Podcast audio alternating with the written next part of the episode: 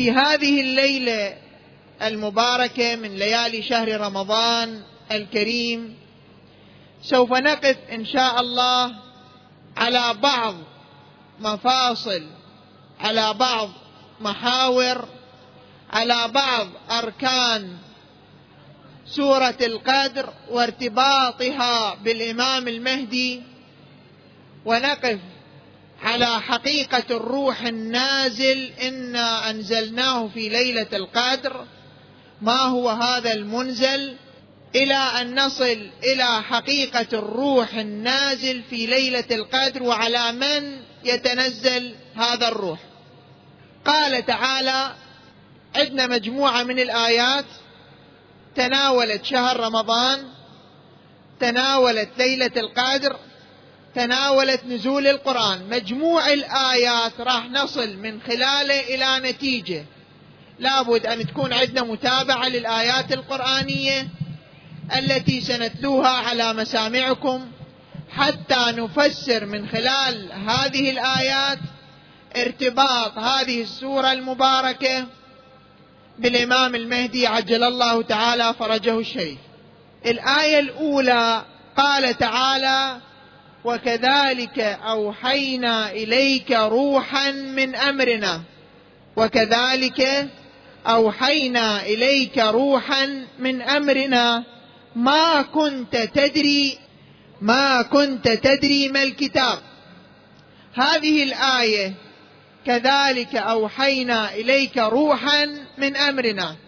وصفت الكتاب وصفت القرآن بأنه روح. لذلك قالت وكذلك أوحينا إليك روحا من أمرنا. أوحينا إليك روحا من أمرنا. في آية ليلة القدر تقول الآية تنزل الملائكة والروح فيها. في هذه الآية يقول وكذلك أوحينا إليك روحا من أمرنا ما كنت تدري. ما الكتاب؟ اذا في هذه الآية يؤكد القرآن على أن الروح النازل هو القرآن الكريم هو الكتاب. هذه أحد الآيات التي يمكن أن نستفيد منها بل والتي تنص على أن الروح الموجود في سورة القدر هو القرآن. اذا هذه نتيجة لابد أن نضعها في أيدينا وهي أن الروح النازل هو القرآن. بنص الآية تقول وكذلك أوحينا إليك روحا من أمرنا ما كنت تدري ما الكتاب أوحينا إليك روحا ما كنت تدري ما الكتاب. اذا الروح الموحى هو الكتاب. إذا رجعنا إلى سورة إنا أنزلناه في ليلة القدر نجدها تقول ليلة القدر خير من ألف شهر. تنزل الملائكة والروح. تنزل الملائكة والروح. اذا تنزل الملائكة والروح معناه الكتاب.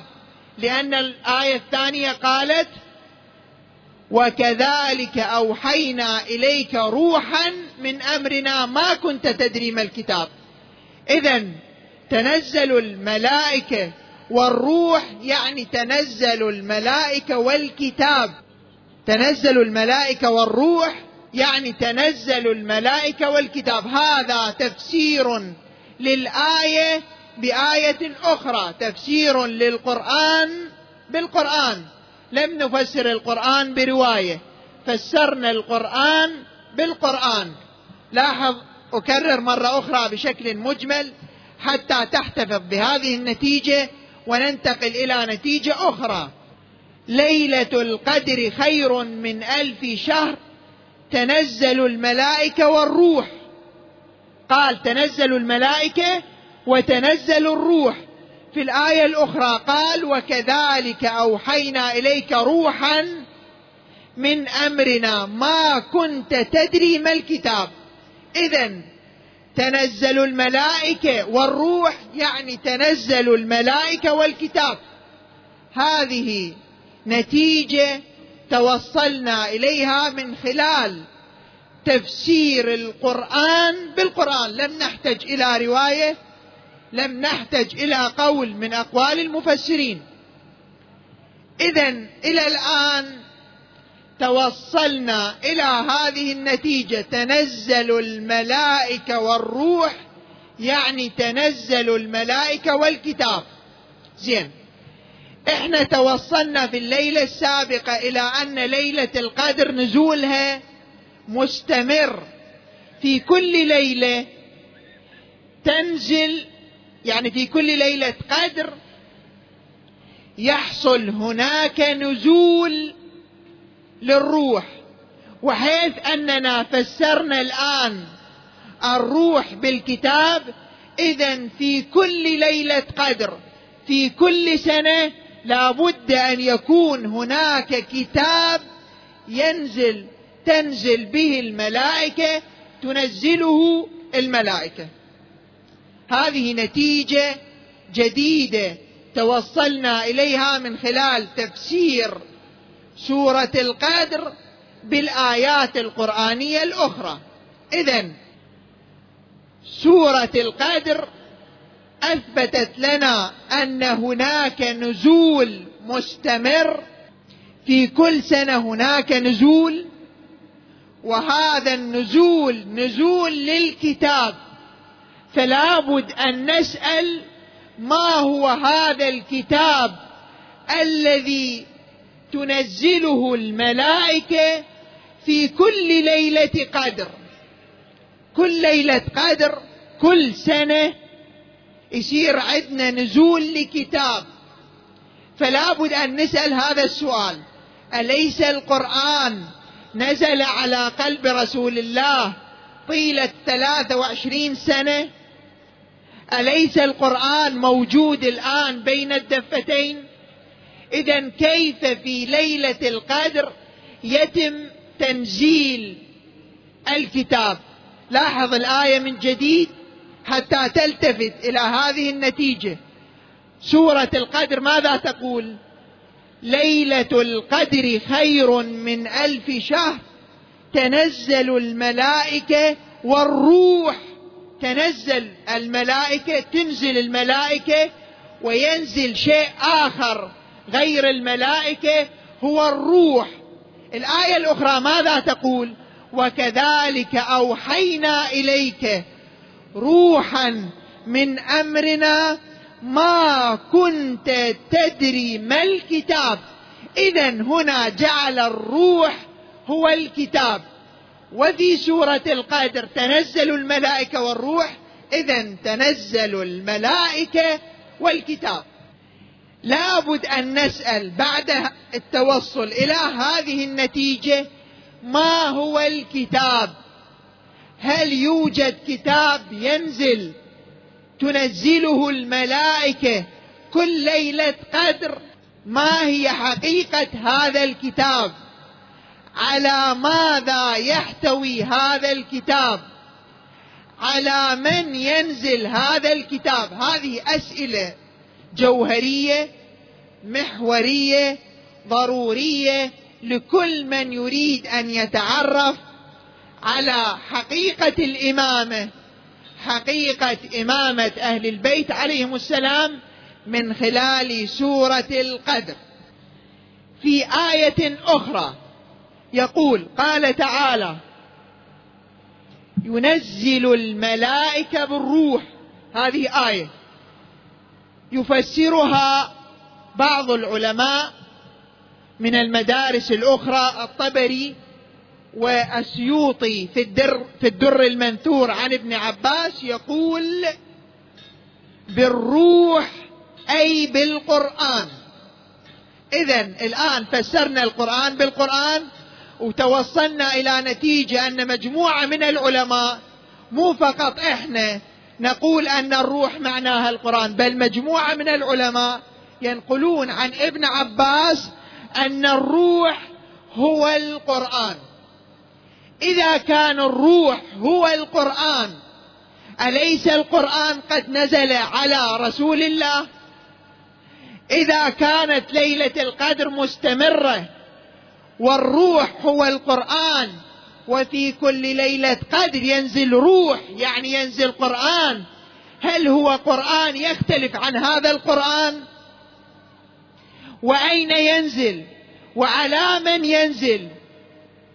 ولم لا نشاهد هذا القرآن المنزل؟ هذه أسئلة يجب أن نجيب عنها حتى تتوضح المكنون المخزون المعرفي حتى يتوضح المكنون المخزون المعرفي الموجود في سورة القدر. قبل أن ندخل في البحث عن حقيقة هذه الروح التي هي القرآن وعلى من تنزل ندخل في بحث آخر وهو مقدمة نستفيد منها في البحث الآتي. هذه المقدمة لاحظ معي. إحنا عندنا أربع أشهر حرم. وعندنا من الأشهر المهمة من الأشهر العبادية المهمة شهري رجب وشعبان. وعندنا شهر رمضان. فيصير مجموع الأشهر ثلاثة. عندنا شيء رابع هو ليلة القدر. فإذا المجموع أربع أشياء. ليلة القدر شهر رمضان شهر شعبان شهر رجب. ما هي العلاقة بين هذه الأشياء الأربعة؟ ما هي العلاقة بين ليلة القدر وشهر رمضان بين شهر رمضان وشهري شعبان ورجب؟ كل عمل مهم. كل عمل مصيري كل عمل يشكل خط محوري في حياة الناس. دائما الناس يخلون له مقدمات. طبيعة البشر إذا كان عندهم عمل معين يخلون له مقدمات. إيش قد ما كان العمل مهم يخلون له مقدمات أكثر. حتى إذا توصلوا إذا وصلوا للعمل يصلون إلى العمل بتمام الاستعداد. أضرب مجموعة من الأمثلة حتى تتضح القضية.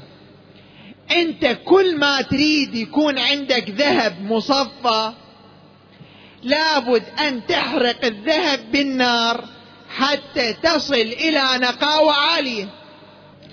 في الأمور العبادية الأخرى الصلاة حتى تصل إلى الصلاة هناك مجموعة مقدمات. المقدمة الأولى أن تتوضأ. تجيب الوضوء. وتنتظر عندك تهيؤ. صار عندك تهيؤ. استعداد لاستقبال الصلاة. المقدمة الثانية أكو وقت. المقدمة الثالثة أكو آذان. المقدمة الرابعة أكو إقامة. كل هذه المقدمات تهيئك حتى شو وقت تدخل بالصلاة. حتى يصير عندك استعداد تدخل بالصلاة. شهر شعبان وشهر رجب إنما كانا شهرين يسبقان شهر رمضان حتى يحصل استعداد عند الفرد المؤمن بشهر رمضان لاستقبال شهر رمضان. الفرد اللي يعتقد بأهمية شهر رمضان الله جعل له شهرين يسبقان شهر رمضان. شهر شعبان وشهر رجب. حتى يستقبل شهر رمضان الصائم يحتاج أن يتهيأ يدخل في شهر رجب وفي شهر رمضان. حتى يذوب نفسه ويجعل نفسه مستعدة لاستقبال شهر رمضان. زين إذا جاء شهر رمضان شوف شهر رمضان بكل أدعيته بكل ما فيه يركزن على عمل واحد. كل أدعية شهر رمضان من دعاء الافتتاح إلى أدعية السحر إلى أدعية الأيام إلى الأدعية المختصرة إلى حتى الآيات القرآنية إلى تفسيرها إلى كل شيء. في شهر رمضان تجده يركز على ليلة القدر. صار عندنا شهر رجب شهر شعبان مقدمة حتى نتهيأ لشهر رمضان. صار عندنا شهر رمضان بأكمله مقدمة حتى نتهيأ علما إلى ليلة القدر. ليلة القدر علما. هل المطلوب من عندنا أن نحيي ليلة القدر فقط؟ لو هم ليلة القدر لو كذلك ليلة القدر هي مقدمة لشيء آخر كما أن شعبان كما أن رجب مقدمة لشهر رمضان كما أن شهر رمضان مقدمة لليلة القدر هل ليلة القدر مقدمة لشيء آخر؟ أو أنها مطلوبة بنفسها؟ مثلا الوضوء مقدمة علما للصلاة. يعني إذا ما كان عندنا صلاة ما حد يقول لك روح توضأ. الصلاة مقدمة علما. الصلاة مقدمة لكي ينتهي الإنسان من الأمر لكي يعني لكي يكون الإنسان على استعداد وعند قابلية للأمر بالمعروف والنهي عن المنكر. من لن تنهه صلاته عن المنكر ولم تأمره بالمعروف فليضرب بها عرض الجدار. إذا نفس الصلاة مصلحتها في الأمر بالمعروف والنهي عن المنكر. يعني صارت الصلاة مقدمة للأمر بالمعروف والنهي عن المنكر. وصار الوضوء مقدمة للصلاة. الآن نرجع ليلة القدر. قلنا شهر رجب شهر شعبان مقدمة لشهر رمضان. شهر رمضان كله نجي نصوم نتعبد نتقرب إلى الله. يصير عندنا حالة من الرقي المعنوي الصائم. في شهر رمضان يحس عنده حالة من المعنويات لا توجد في الأشهر الأخرى. حالة من الارتباط بالقرآن حالة من الارتباط بأهل البيت حالة من الارتباط بالدعاء حالة من الخشوع. هذه كلها تحصل في شهر رمضان. هذه كلها الأشياء التي تحصل في شهر رمضان إنما هي مقدمة علما لليلة القدر. هذه كلها حتى الإنسان يكون مهيئ لليلة القدر. يكون عنده استعداد من خلال شهر رجب من خلال شهر شعبان من خلال كل شهر رمضان يكون عنده استعداد لإحياء ليلة القدر. إيش قد مقدار ليلة القدر؟ الآن في هذه الأيام مقدار ليلة القدر ما يتجاوز ثمان ساعات. الله جعل لهذه الثماني ساعات ثلاث مقدمات مهمة. ثلاث أشهر كاملة من العبادة والصيام والقيام والصلاة وحالة الرقي المعنوي حتى نحيي ثمان ساعات. حتى نقف نتعرف على ثمان ساعات. يجي هنا سؤال جوهري محوري ومهم. هل ليلة القدر مقدمة لشيء آخر؟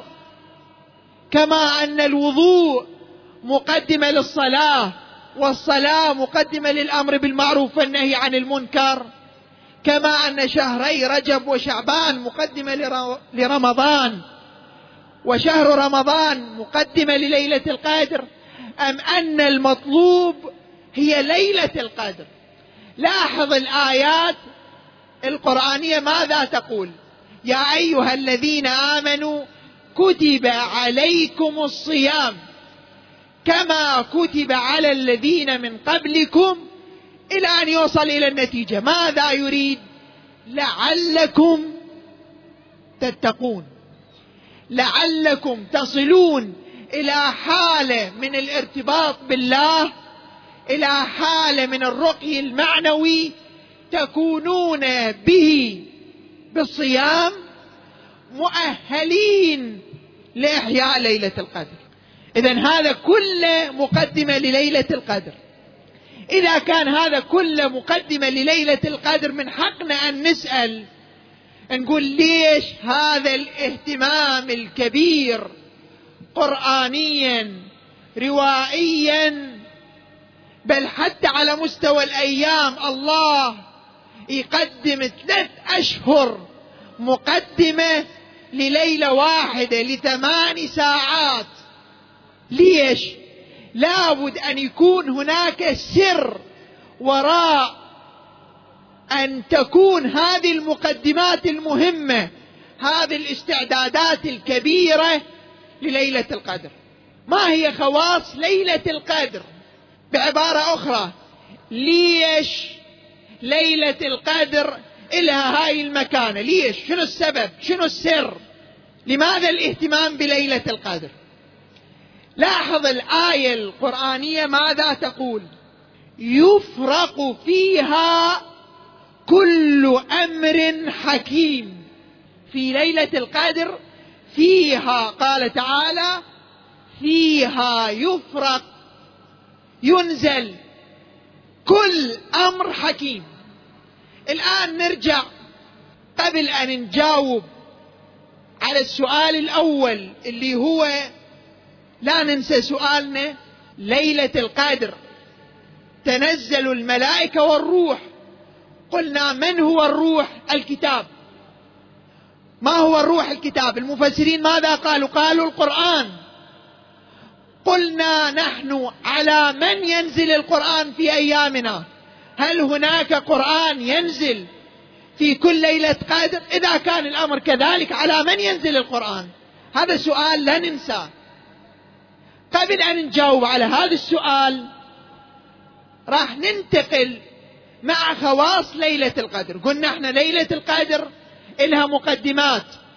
شهر رمضان شهر رجب شهر شعبان كلها مقدمات لليلة القدر. جيد. ما هي خواص ليلة القدر؟ الله سبحانه وتعالى يقول فيها يفرق كل أمر حكيم. كل أمر حكيم أي شيء. كل معناه أي شيء. أي شيء. إيش جاي تتصور بذهنك؟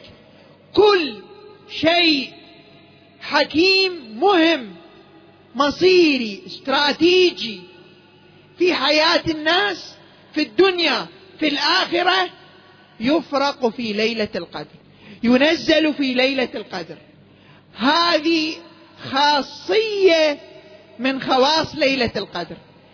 الآن راح ننتقل إلى شيء آخر. نقراه دائما بس لعله ما نلتفت له. في سورة ليلة القدر يقول الله تعالى خير من ألف شهر. هذه الليلة الواحدة أفضل من ألف شهر. إذا أردنا نحسب ألف شهر إيش قد تطلع؟ تقريبا 83 سنة بالتحديد. 82 سنة وأربعة أشهر. تحديدا تقريبا 83 سنة أو 82 سنة وأربعة أشهر.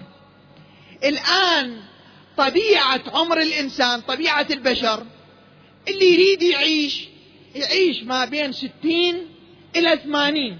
البعض يعيش أكثر والبعض يعيش أقل. إذا ثمان ساعات ليلة القدر ليلة القدر خير من ألف شهر خير من ثلاثة وثمانين سنة. ليلة واحدة تعادل عمر الإنسان. القرآن لا يقول ما تعادل عمر الإنسان بل هي خير من ألف شهر. أفضل إليك يعني لو قدر للإنسان أن يعيش ثلاثة وثمانين سنة عبادة متصلة. ثلاثة وثمانين سنة عبادة متصلة ليل مع نهار. قائما صائما. ثلاثة وثمانين سنة عبادة مستمرة. الله يقول ليلة القدر خير من هذه العبادة التي تعبدتها. أيها المسلم أيها المؤمن خلال ثلاث وثمانين سنة. ليلة واحدة. إيش قد قيمتها؟ بالساعات ثمان ساعات من السبعة تقريبا إلى الثالثة فجرا إلى الرابعة. يعني قيمة ثمان ساعات تساوي عمر الإنسان بل أفضل من عمر الإنسان إذا افترضنا أكو فد إنسان منذ أن يولد إلى أن يموت. لا يرتكب غيبة لا يرتكب محرم لا ينظر إلى محرم. لا يأكل محرم لا يشرب محرم. يأتي بكل العبادات الواجبة يجتنب عن كل المحرمات. خلال 83 سنة متصلة الله يقول له هذا عملك بأكمله. هذه الثمان ساعات في ليلة القدر أفضل منه من حقنا نسأل نقول ليش شنو السبب؟ الله سبحانه وتعالى خلى ثمان ساعات أفضل من ثلاثة وثمانين سنة عبادة متصلة. من حقنا نسأل لو ما من حقنا. من حقنا. من حقنا نسأل ما هو الروح النازل لو ما من حقنا. من حقنا. من حقنا نسأل على من ينزل الروح لو ما من حقنا. من حقنا. هذه الأسئلة الثلاثة هذه الأسئلة المحورية هذه الأسئلة الجوهرية سوف نجيب عنها في الليلة القادمة إن شاء الله سبحانه وتعالى. أقول قولي هذا وأستغفر الله لي ولكم وقبل أن أختم أذكر أننا توصلنا إلى ثلاث نقاط. النقطة الأولى في المحاضرة رقم واحد لماذا أكدت السماء على المهدي؟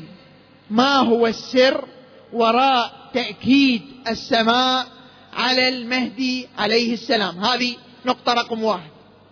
نقطة رقم اثنين بيناها في المحاضرة الثانية. هل من يقول هل يوجد دليل على استمرارية النزول القرآني النزول في ليلة القدر. هل يوجد دليل على استمرارية ليلة القدر بعد رسول الله صلى الله عليه وآله أو لا؟ عبارة أخرى أسهل. هل ليلة القدر مستمرة أو لا؟ أثبتنا في المحاضرة الثانية أن ليلة القدر مستمرة بعد رسول الله صلى الله عليه وآله.